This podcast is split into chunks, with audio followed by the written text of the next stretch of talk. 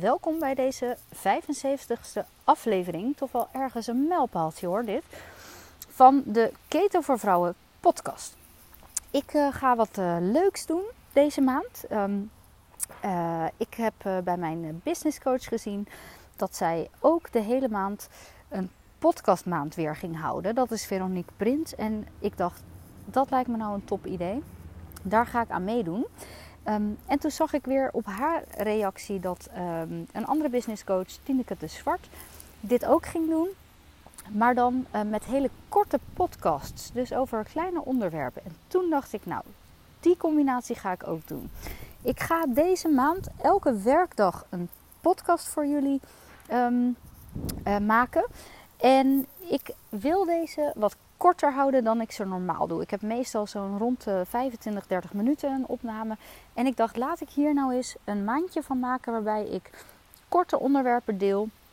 Uh, die gewoon uh, onder de 10 minuten uh, zijn. Dus um, dat wil ik gaan doen. Um, leuk als je elke dag even komt kijken als je um, uh, van keto houdt en uh, geïnteresseerd bent in keto. Um, en dan uh, ja, ga ik jullie hopelijk weer heel veel nieuwe info geven. Nou, waar ik deze korte podcast van vandaag over wil houden, dat is um, als je wel hoge ketonen meet, maar geen kilo's lijkt kwijt te raken. Wat kan er dan aan de hand zijn?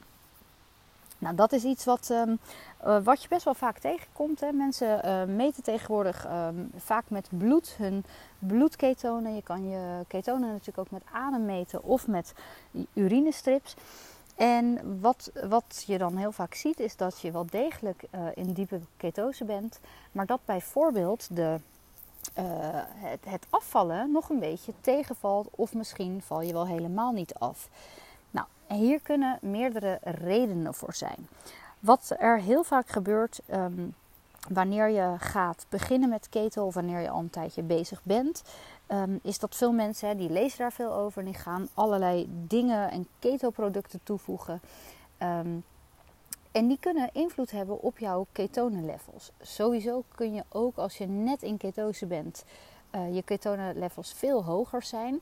Maar vaak als je net begint, val je wel degelijk af, omdat je dan die uh, vochtenverlies um, vaak heel erg hebt. Um, dus het is vaak bij mensen die al een tijdje bezig zijn, goede ketonenlevels meten, maar toch niet afvallen. Nou, wat we dan dus zien is dat onze ketonen worden beïnvloed van bepaalde dingen die we van buitenaf um, binnenkrijgen. Denk hierbij aan producten hoog in vetten. En dat hoeven niet enkel MCT-vetten te zijn, maar kunnen ook andere vetten zijn. Jouw lichaam gaat dan dus die vetten verbranden, uh, nou ja, ja um, omzetten in ketonen. Nou, van, van MCT-producten, zoals bijvoorbeeld producten waar uh, kokosolie uh, of kokosboter in verwerkt is, maar ook MCT-olie aan zich of um, uh, kokosboter of kokosolie uit een fles of dat soort dingen, of, of andere producten waar het in verwerkt zit, um, kunnen ervoor zorgen dat je uh, dus een extra aanmaak van ketonen hebt. Je hebt natuurlijk allerlei andere producten nog die ook worden aangeboden die deze ketonen verhogen. Wat veel mensen alleen niet helemaal begrijpen, is de theorie erachter. Is, je moet het wel op de juiste manier weten in te zetten en te interpreteren omdat heel veel mensen denken dat als je die MCT-producten neemt, jij als het ware een soort um, uh, automatische vetverbrander wordt. Maar dat is dan dus niet jouw lichaams-eigen vet. En dat is wat er heel vaak, ja, waar er verwarring over is.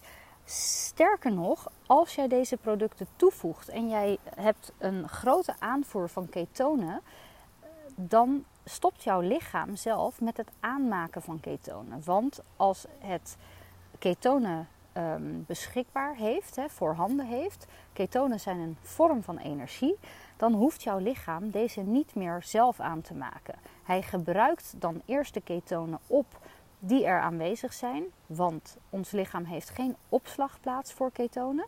Dus die moeten eerst opgebruikt worden.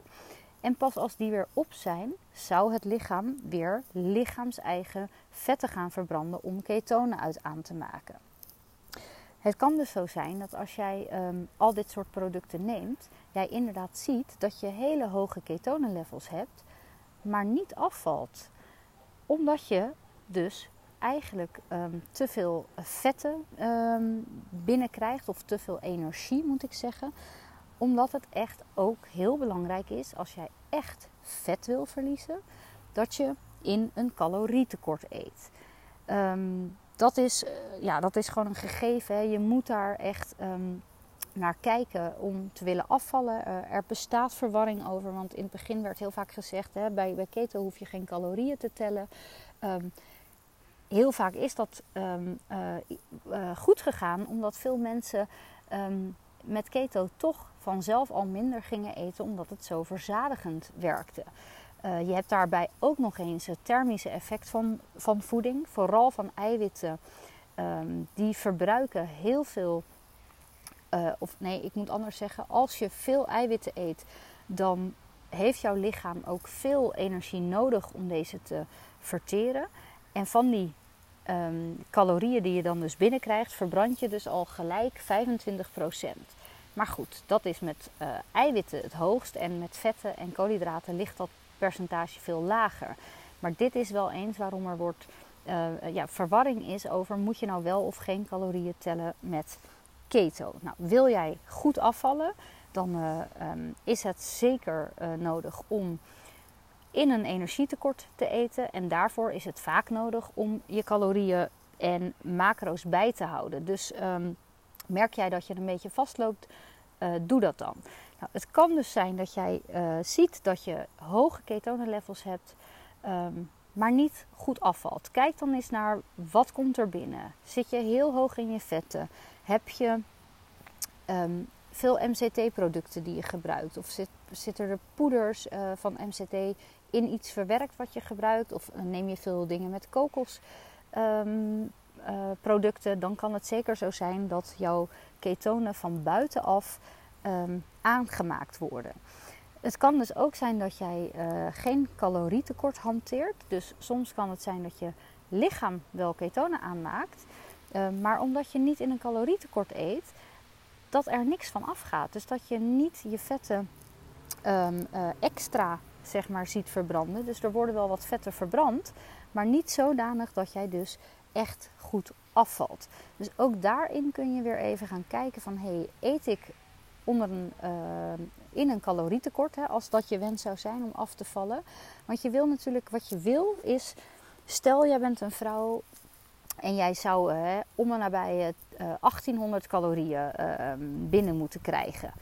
Um, dat is vrij laag hoor, maar stel dat um, dat, dat van jou op toepassing is en jij hebt zelf een calorietekort, hanteer je van hè, uh, een paar, paar honderd calorieën. Dus je gaat eten op 1500 calorieën. Wat je dus wil, is dat jouw lichaam die overige calorieën die nodig zijn voor jou om gewoon dagelijks te functioneren, dat jouw lichaam die dus gaat vrijmaken uit energie van jouw eigen lichaamsvetten. Dus je, dat, dat energietekort dat moet worden opgevangen doordat het energie kan vrijmaken uit jouw vetten. Dat is wat we willen en dat is waarom we kunnen gaan afvallen. Dus eventjes een kleine recap. Hoge ketonen betekent niet automatisch afvallen.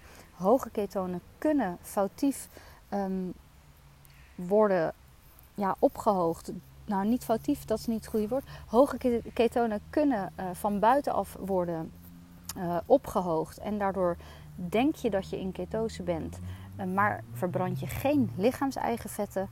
En je moet eten in een calorietekort om um, echt goed te willen afvallen. Nou, ik hoop dat dit een beetje duidelijk voor je was en uh, tot morgen.